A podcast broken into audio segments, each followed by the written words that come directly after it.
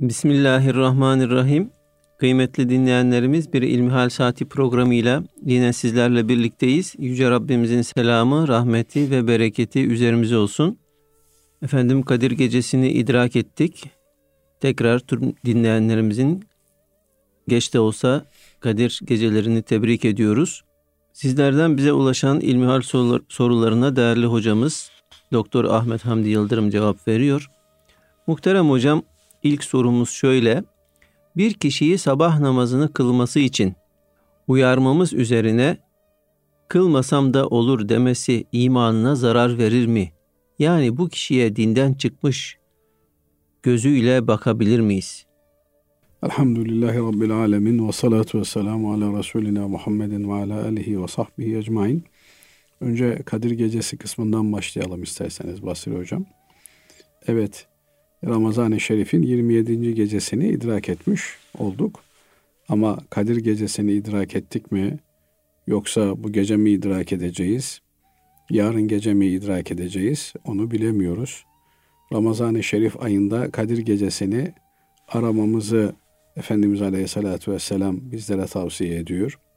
Ramazan-ı Şerif'te Kur'an-ı Kerim indiği için ve Kur'an-ı Kerim'de Kadir suresi, e, Kadir gecesi indiği için e, Ramazan-ı Şerif Kadir gecesinin e, gecelerinde aradığımız, aramaya çalıştığımız bir gece. Ama hangi gece? Ramazan-ı Şerif içerisindeki bu gece biliyorsunuz kameri takvim, senenin hicri, e, hicri takvim, miladi takvime göre senenin bütün mevsimlerini dolaşıyor. Ama miladi takvim öyle değil. Sabit bütün mevsimler, günler aynı şekilde devam ediyor. Acaba Efendimiz Aleyhisselatü Vesselam'ın e, Kur'an-ı Kerim'le muhatap olduğu dönemdeki Ramazan-ı Şerif'in o gecesi mi? Bu e, o takvim yılında Ramazan-ı Şerif'e denk geliyordu. Ondan sonra da Ramazan-ı Şerif'e denk gelir mi? Senenin yani diğer aylarında da Kadir Gecesi olma ihtimali var mı? Zayıf da olsa bununla ilgili e, ifadeler söz konusu. Bundan dolayı irfan ehlinin şöyle bir sözü olmuş. Her geceyi Kadir gecesi gibi değerlendirmek lazım. Daha doğrusu kadrini bildiğin, değerini bildiğin, kıymetini bildiğin ve ona göre ihya ettiğin her gece senin için bir Kadir gecesidir. Nihayetinde geceler Cenab-ı Allah'ın geceleridir ve sahih hadislerden öğrendiğimiz kadarıyla Cenab-ı Rabbul Alemin gecenin üçte ikisi geçtikten sonra yeryüzü semasına nida eder, hitap eder. Yok mu tövbe eden tövbesini kabul edeyim, yok mu istiğfar eden onun istiğfarını kabul edeyim diye Cenab-ı Allah kullarına e, rahmet kapılarını açıyor. Bağışlanma dileyen, Allah'a sığınma dileyen kimseler bu zaman dilimlerinde Cenab-ı Allah'a uslat kavuşma imkanı bulabiliyorlar. Elbette Ramazan-ı Şerif ayı bu heyecanı daha dorukta yaşadığımız bir ay. Ramazan'ın son 10 günü ki son 10 günün de son günlerine geldik. Daha büyük ihtimalle son 10 günün içerisinde de tek sayılı olan efendim 21, 23, 25, 27, 29 daha böyle heyecanla Kadir Gecesi'ni aradığımız bunun da son e, günleri yani 27'si veya 29'u ki bu ihtimalle hala e, bu gece de böyle bir şansımızın, böyle bir nasibimizin olduğunu söyleyebiliriz. Binaenaleyh Cenab-ı Allah bizden sürdürülebilir bir kulluk istiyor.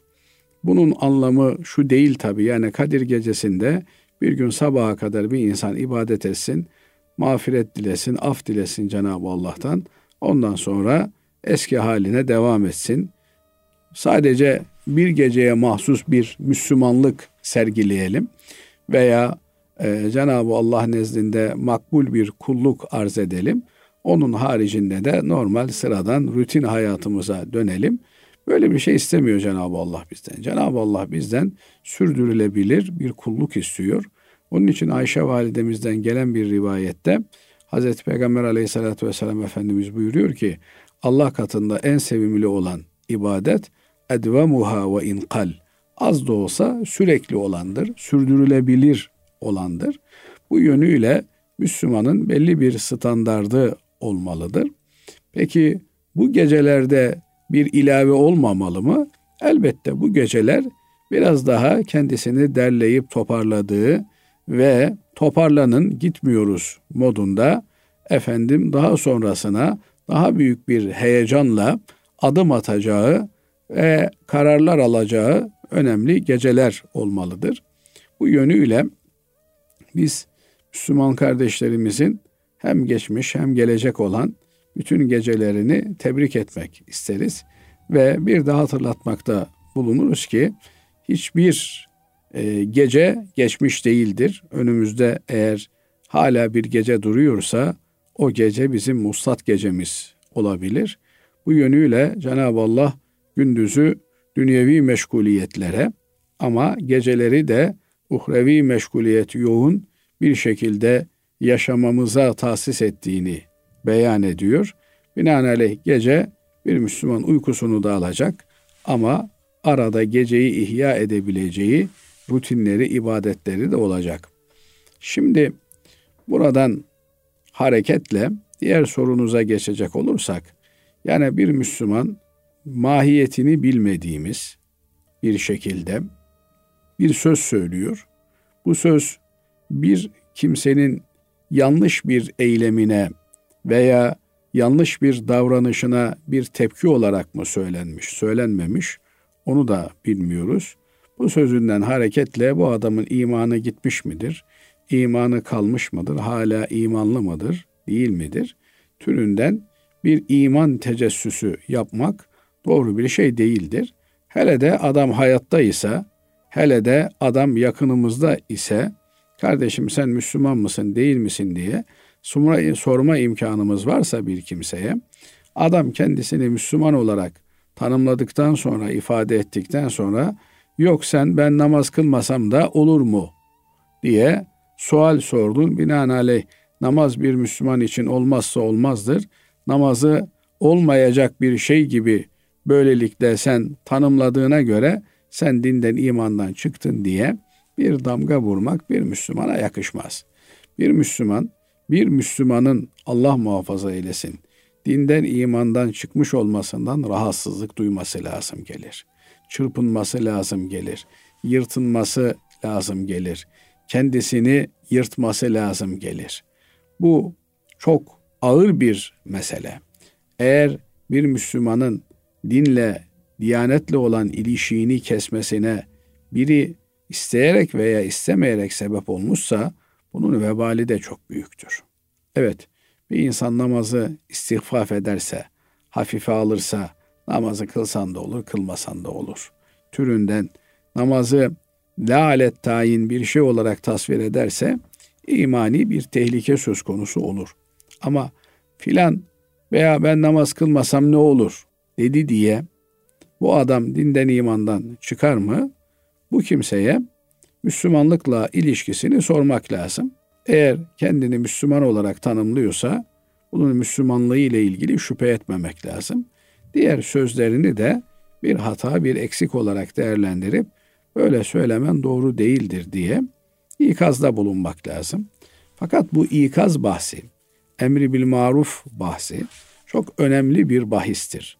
Özellikle de günümüzde insanların her birinin benliklerinin tavan yaptığı bir dönemde kimsenin kimseden bir nasihat duymaya, bir eleştiri duymaya tahammül edemediği bir dönemde din adına eleştiri yaparken veya din adına nasihatte bulunurken bize yönelecek olan tepkileri dine yönelik tepkiler olarak tasvir etmek, değerlendirmek de doğru bir şey olmaz. Dolayısıyla çok hassas bir zeminde maksat üzüm yemek olmalı, bağcıyı dövmek olmamalı.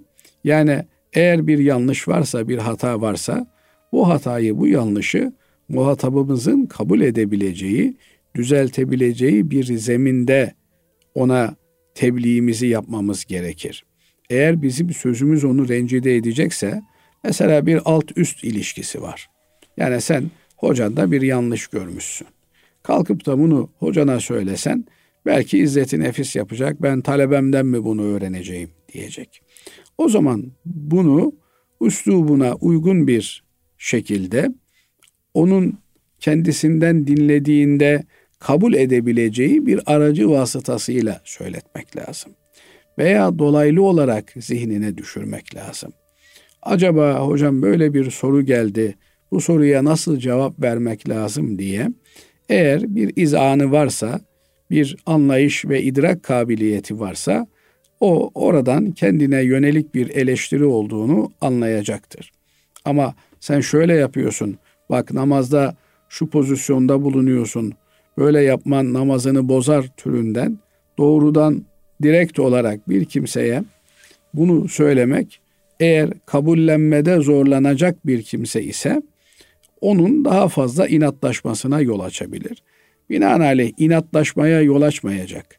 Hakkı ve hakikati kabullenmesini kolaylaştıracak bir takım tedbirleri alarak bunu yapmak lazım. Binaenaleyh yani kaş yapayım derken göz çıkartmamak lazım gelir. Bu hususlarda da evet emir bil maruf nehyanil münker e, farz ibadetlerimizdendir. Ama farzı kifaye olan ibadetlerdendir. Binaenaleyh bunu doğru düzgün usulüne uygun olan e, usulüne uygun olarak yapabilen kimseler tarafından yapmak lazım, yaptırmak lazım. Onlardan ricada bulunmak lazım. Yoksa bazen görüyoruz adam bir yanlışı düzelteceğim diye daha büyük problemlere sebep oluyor. Hani derler ya yarım usta maldan eder, yarım doktor candan eder misalinde olduğu gibi. Evet hocam. Allah razı olsun. Efendim yine ikinci sorumuz yine namazla ilgili. Tek başına namaz kılarken edilen niyette uydum hazır olan meleklere ve Evliyaullah hazeratına demenin bir mahzuru var mıdır diye soruyor. Ben namazlarımı böyle kılıyorum. Kaza etmem gerekir mi? Şimdi uymak meselesi uyar mı, uymaz mı? O ayrı bir bahis mevzuu. E, cemaatle kılınan namazlarda İmam Efendi'ye uyduğumuzu söylüyoruz. Ama onun haricinde bir kimse meleklere uydum, Evliyaullah'a uydum, büyük mezhep imamlarına uydum, Hazreti Peygamber aleyhissalatü vesselam Efendimiz'e uydum diyerek namaza dursa, namazda da münferit olarak yani tek başına namaz kılan bir kimsenin kıldığı gibi bir namaz kılmış olsa onun namazı geçerli olmuş olur. Onun bu tür e, uyma ifadeleri bir teberrük ifadesi olarak kalmış olur. Yani meleklere uydum sözünün anlamı melekler gibi günah işlememeye niyet ettim. Evliyaullah'a uydum, Allah dostlarına uydum ifadesi yani onların yolunu benimsemeye niyet ettim. Onlar gibi Allah katında makbul bir kişi olmaya, bir kul olmaya gayret ettim anlamına gelir. Ama normal cemaatle namaz kıldığımızda özellikle de Hanefi mezhebine mensup olan bir kimse önünde bulunan imam efendiye uyduğunda artık cemaat olmanın gereklerini yerine getirir. Nedir cemaat olmanın gereği? Biz münferit olarak namaz kıldığımızda namazın bütün yükünü tek başına omuzlarız. Ama cemaatle namaz kıldığımızda yükün ağırlıklı kısmını imam efendi omuzlar, yüklenir. Biz sadece ferdi olan zikirlerle meşgul oluruz. Mesela bu yönüyle bunu da hatırlatmakta fayda var. Biz tek başımıza namaz kıldığımızda Ya Rabbi niyet eyledim öğle namazının farzını kılmaya diye niyet ettik. Ee, ne yaparız? Subhaneke'yi okuruz. Allahu Ekber iftitah tekbirini getirdikten sonra Subhaneke'yi okuruz. Peşinden Auzu Besmele çekeriz.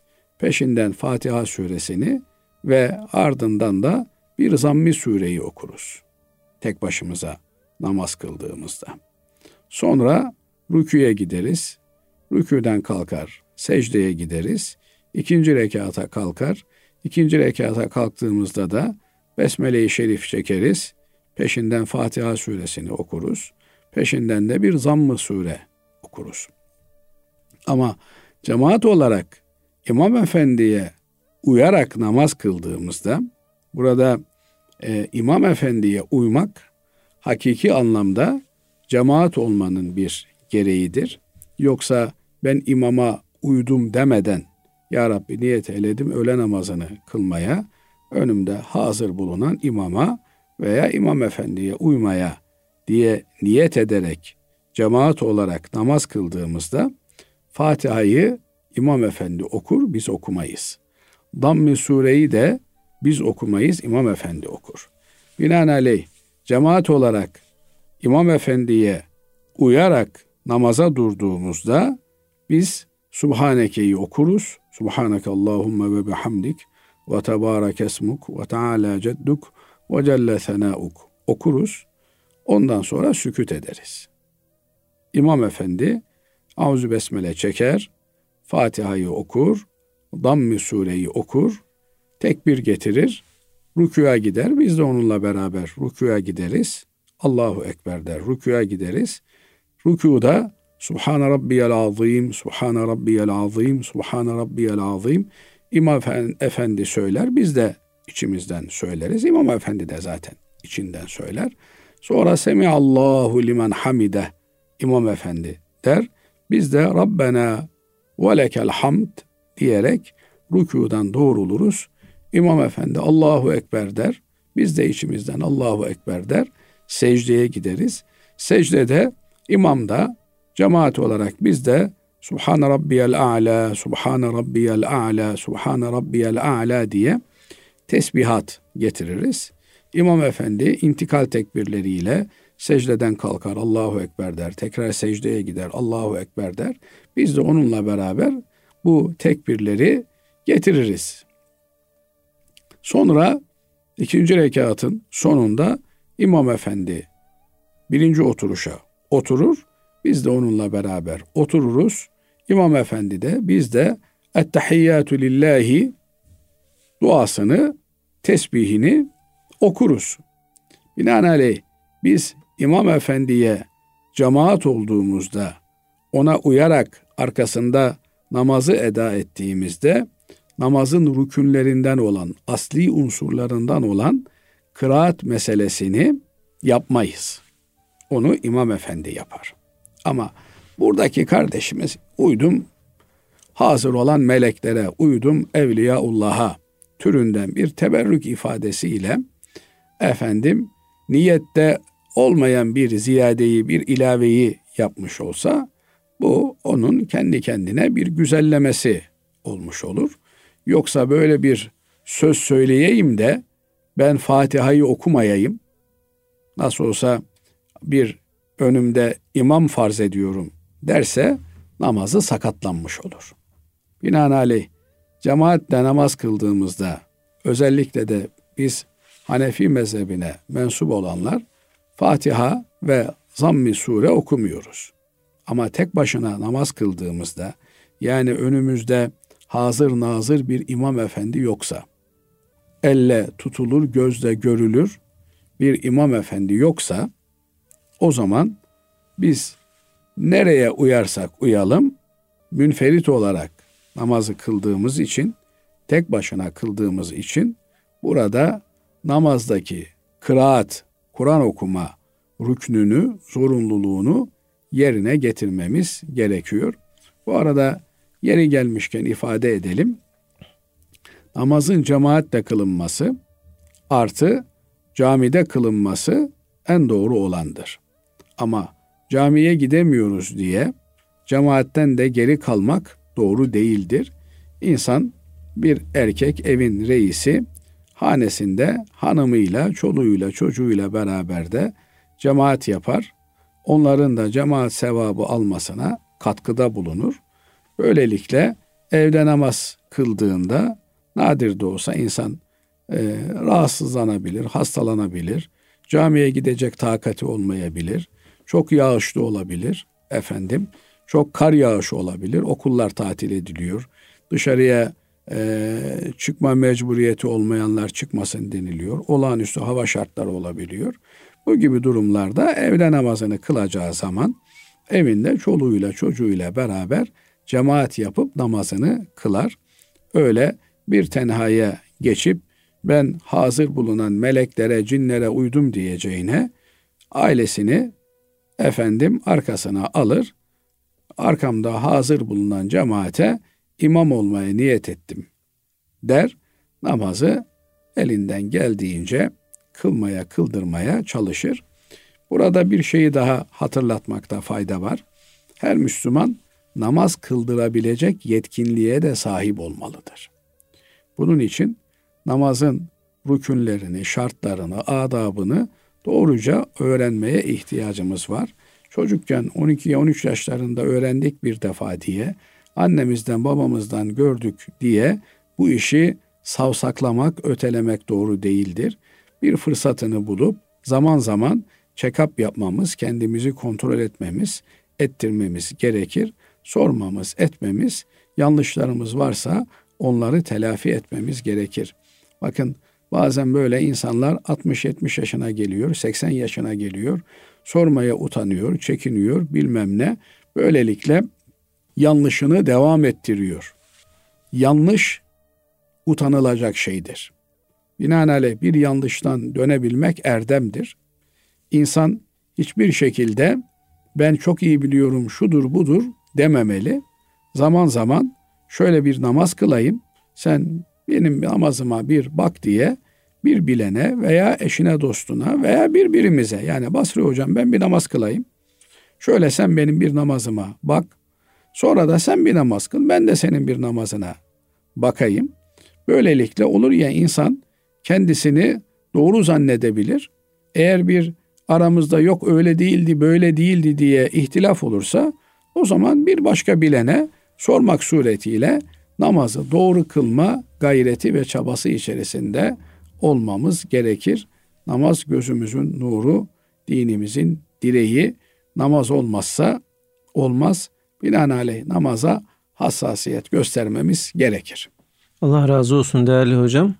Kıymetli dinleyenlerimiz şimdi kısa bir araya gidiyoruz. Aradan sonra kaldığımız yerden devam edeceğiz. Kıymetli dinleyenlerimiz İlmihal Saati programımıza kaldığımız yerden devam ediyoruz. Muhterem hocam dinleyicimiz şöyle bize yazmış. İstanbul gibi bir şehirde bazen trafik bazen ailevi sebeplerle maksimum yarım saate kadar işe geç kalma durumu olabiliyor. Çalıştığım yere geç gitmem kazancıma haram karıştırır mı? Şimdi e, bir Müslüman samimi ve dürüst bir şekilde kendisine emanet edilen bir işi yerine getirmekle yükümlüdür. Nihayetinde işveren olduğumuzda da iş gören olduğumuzda da bir sözleşme ile kendimizi bağlamış oluyoruz. Bu sözleşmede eğer iş gören isek, bir yerde çalışıyorsak mesai saatlerine riayet etmemiz bizden isteniliyor. Sabah 9, akşam 6 veya 5 mesai yapıyorsa bir kimse 9'u yarım saat geçirdiğinde 5'i de yarım saat geçirmek suretiyle mesaisini tamamlar. Veya gün içi bir ara oluyorsa o aradan mesaisinde eksik bıraktığı kısmı tamamlar. Ama bazen de mesai kavramı evet belli bir saate bağlanıyor ama asıl olan üretim olmuş oluyor. Yani günlük bir insandan üretmesi gereken bir talep oluyor. Bu talebi e, yoğun olarak 5 saatte tamamlıyor ama ağır bir modda 9 saatte tamamlıyorsa burada da mesaideki eksikliklerini yoğun bir tempoyla tamamlayabilir.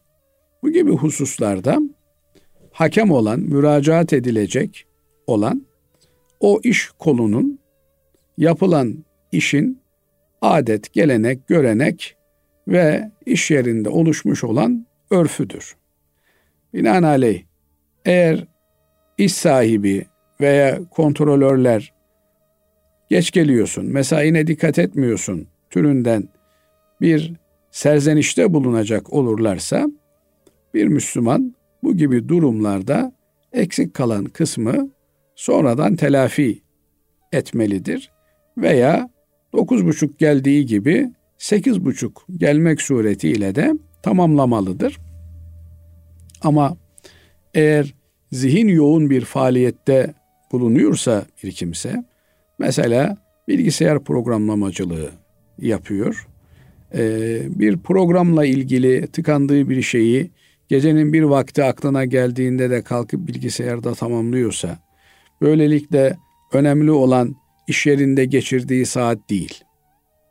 Önemli olan bilgisayarının başında iş olarak geçirdiği saat ise bunu da işvereniyle beraber konuşup çözebilir. Bu gibi noktalarda bir diğer hepimiz için bir e, müracaat kaynağı, referans kaynağı olacak olan husus kendimizi işveren yerine koymamız, kendimizi böyle bir durumda nasıl görüyor isek ona göre davranmamızdır. Binaenaleyh bir Müslüman insani ilişkilerde karşı tarafla olan beşeri münasebetlerinde en temel ilke olarak kendisi için istemediği şeyi kardeşi için de istemeyecek veya kendi için neyi istiyor ise kardeşi için de onu isteyecek. Kendisi bir işveren olsa işçilerinden ne bekliyorsa işçi olduğunda da işverene bu beklentilerini yerine getirebilecek bir şekilde davranması uygun olandır. Kendisi işveren ise işçi olduğunda ne tür bir muamele görmeyi bekliyorsa işverenden o zaman işçilerine de çalışanlarına da öyle bir muamele sergilemek durumundadır. Şunu unutmamak gerekiyor ki Cenab-ı Allah bu dünya düzeninin yürümesi için insanları birbirlerine muhtaç kılmıştır. Birbirlerinin hizmetine vermiştir. Ama bu hiçbir zaman birbirine hizmet etme durumunda olan insanların birbirlerine haksızlık yapmalarına, zulmetmelerine yol açmamalıdır.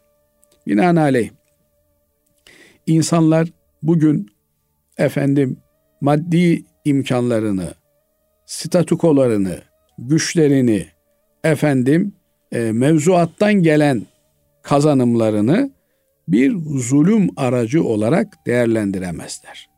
Yani bu işçi burada çalışmaya mecbur ben buna niye 5 lira fazla vereyim dememeli bir iş veren. Bir işçi de kardeşim bu paraya bu kadar çalışılır dememeli. Eğer bir yerde bir meblağ üzerinde anlaşılmış, ittifak edilmişse orada taraflar birbirleri üzerine düşen sorumlulukları tamamen yerine getirmeye gayret etmelidirler. Cenab-ı Allah zor da olsa efendim e, aleyhimize de olsa doğruluktan yana olmamızı ve doğru davranmamızı bizlere emretmektedir. Bu yönüyle de yanlış hatırlamıyorsam e, şair şöyle diyor. Kişiye doğruluk yaraşır, görse de ikrah doğruların yardımcısıdır Hazreti Allah.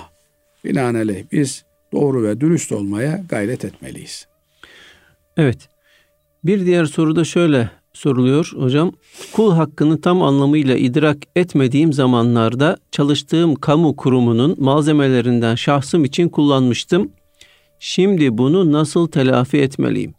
Şimdi burada da aynı şey geçerli. Yani bazen böyle menkıbelere dalıyoruz.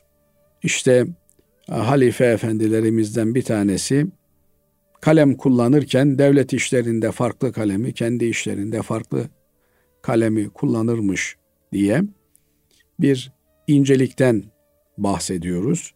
Efendim filan kimse ölmek üzereyken mumu söndürün işte bugüne kadar benim malımdı bundan sonra varislerin malıdır diye kul hakkına son derece riayet eden bir örnek davranışta bulunmuştur diye naklediyoruz.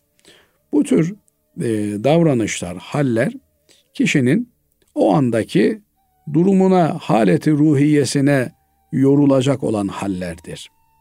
Binaenaleyh bugün eğer kamu size bir kalem vermişse bu kalemle sadece kamunun beklediği evraka imza atmak değil, onunla beraber kendi özel efendim işlerinize de imza atabilirsiniz. Bu kadar e, hassas e, olmak gibi e, bir zorunluluğunuz yok. Ama kamunun kamu tahsisli malını eğer kendi zimmetinize geçirmişseniz veya kamunun halkın menfaatine olacak bir düzenlemesinden siz e, orada bulunmanın verdiği önceden haberdar olma imtiyazıyla erken davranıp başkalarının alabileceği şeye eğer e, konmuşsanız tabiri caizse o zaman bunlar ciddi sorumluluk doğuran şeylerdir. Binaenaleyh bunları böyle genel geçer ifadelerle değil de kişinin güvendiği, itimat ettiği, bu arada tabi güvendiği, itimat ettiği derken aynı zamanda da bu meseleyi efendim e, vaktiyle şöyle yapmıştın, böyle yapmıştın diye adamın yüzüne vurmayacak samimi bir Müslümana, bir hoca efendiye danışarak ben şöyle bir şey yaptım. Bunu nasıl geriye verebilirim? Eğer kamunun bir e, imkanını haksız yere kullanmışsa bir kimse buradan edindiği edim ona haksız bir kazanç olarak gelmiş demektir. Bu kazancı tamamen bir kamu menfaatine kullanması gerekir. Nedir? Bildiği fakir fukara varsa onların çünkü devlet fakirine fukarasına bakmakla yükümlüdür. Yine bir e, kamu menfaati söz konusuysa bulunduğu bölgedeki ne bileyim hastaneye bağışta bulunabilir, okula bağışta bulunabilir. Yine bir kamu menfaatine e, iade edebilir. Ama en pratik olanı devlet vatandaşlarına bakmakla yükümlü bir müessesedir, kurumdur. Eğer muhtaç olan, bakıma ihtiyacı olan, fakir olan, yardıma ihtiyacı olan bildiği kimseler varsa, çünkü devlet e, tabi kendi sistemi içerisinde çalıştığından dolayı dağın başında bir fakir eğer devlete müracaat etmezse devlet gidip onu bulmuyor. Öyle bir Hazreti Ömer devleti yok. Devlet kendi ayağına gelecek. Efendim günlerce kapısında bekleyecek. O eksik onu getir, bu eksik bunu getir diye itina ile evrak takibinde bulunacak kimselere fakir gözüyle bakar onlara yardım eder. Zaten fakirin o kadar imkanı olsa, o kadar akli melekeleri yerinde olsa devlet kapısını aşındırmaya o evrakı tamamla, bu evrakı tamamla, oradan imza getir, buradan tüzük getir türünden işlerle meşgul olabilecek kabiliyeti olsa bir baltaya sap olurdu tabiri caizse. Maalesef bugün e, modern devletin böyle bir sıkıntısı var. E, oysa devlet fakirini aramalı, sormalı, bulmalı. Nerede kalıyorsun, ne yiyorsun, ne içiyorsun bunu düşünmeli. Bu sadece tabi devlete de düşen bir şey değil. Yani devlet sivil toplum örgütlerinin önünü açmalı. Sivil toplum örgütleri de bulundukları bölgelerde bazen öyle sivil toplum örgütlerine denk geliyoruz ki Basri Hocam adam Afrika'nın balta girmemiş ormanlarına hizmet ettiğini, orada kuşlara yem dağıttığını söylüyor ama burnunun dibindeki ağaçlardan haberi yok. Belki buradaki hasta bir çare insanlara merhem olacak şeyi de oralara götürüp oradaki yırtıcı hayvanlara efendim onlar aç kalmasınlar, mağdur olmasınlar diye yardım ettiğini söylüyor. Bunlara da e, dikkat etmek lazım. E, bir Müslüman öncelikle kendinden, ailesinden ve çevresinden sorumludur. buraları tamamladıktan sonra elbette Afrika'da e, açlık yüzünden e, misyonerlik propagandasına maruz kalan kimseler bulunuyor. Onların önceliği var, evleviyeti var. Ama el verir ki yani buralara gidecek olan kurumların, kuruluşların oralarla teşkilatlanmış olan kuruluşlar olsunlar. Yoksa eğer bir atımlık bir barudu varsa bir sosyal e, kurumun, kuruluşun onu en yakınındakine kullanması en doğru olandır. Evet. Bir diğer dinleyicimiz şöyle sormuş. Hocam zekat alması caiz olmayacak zengin kimdir? Yani zekata engel oluşturacak zenginlik oranı nedir? Evet güzel bir soru. Çünkü hadi zengin belli zekatını veriyor. Belli bir miktarda imkanı olan bir kimse o zaten kendisini ben artık zenginim diyor. Ama her fakirim diyene zekat verilir mi? Şimdi bu nokta önemli bir nokta. Biz kime zengin diyoruz? Üç türlü zenginlik var.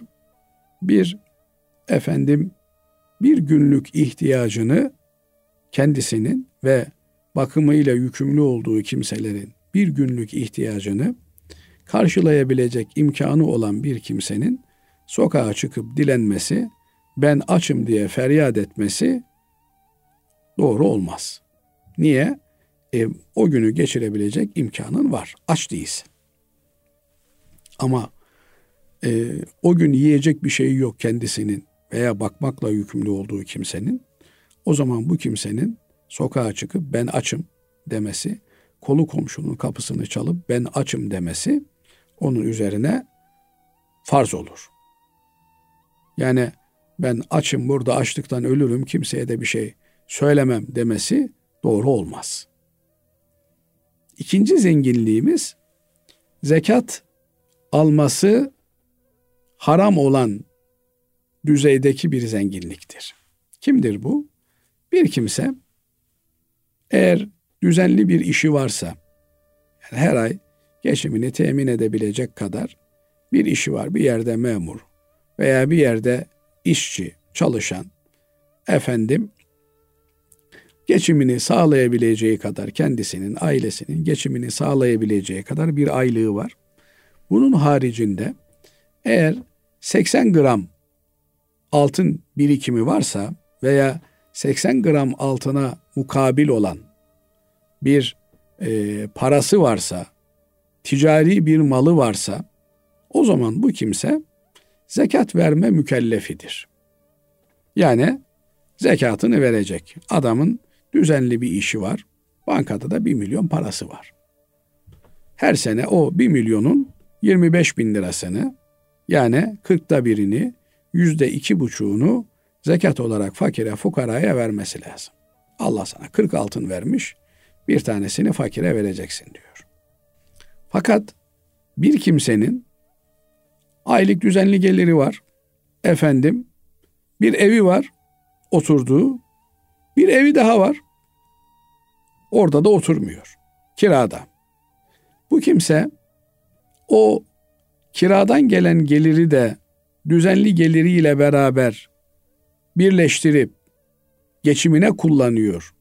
Bir para biriktirme imkanı olmuyorsa veya biriktirdiği para 80 gram altına ulaşamıyor ise bu kimse zekat mükellefi değildir ama zengindir. Binaenaleyh buna zekat verilmez. Şimdi bir adamın bir arabası var. Araba temel ihtiyaçlardan. Arabayla beraber adam zengin olmaz. Ama ikinci bir arabası daha var. O ikinci arabayı da zaman zaman kullanıyor. Fakat araba al satışı yapmıyor. Araba ticareti yapmıyor. Bundan dolayı ikinci araba ticaret malı değil. Eğer başkaca bir varlığı yoksa o ikinci arabasının zekatını vermekle mükellef değil.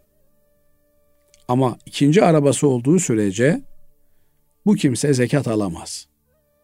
Bir yerde atıl olan bir arsası varsa, efendim evinde kullanmadığı Ama para eden eşyaları varsa bunlar da eğer 80 gram altın değerine ulaşıyorsa bu kimse de başkasından zekat alamaz. Önce ona denir ki kardeşim elindeki bu nesneleri sat. Ondan sonra eğer ihtiyacını göremiyorsan sana ümmeti Muhammed zekatından verir. Yani böylece bu kimse zekat vermiş olur. Evet hocam Allah razı olsun. Kıymetli dinleyenlerimiz bugünkü İlmihal Saati programımızın böylece sonuna ermiş bulunuyoruz. Efendim hepinizi Allah'a emanet ediyoruz. Hoşçakalın.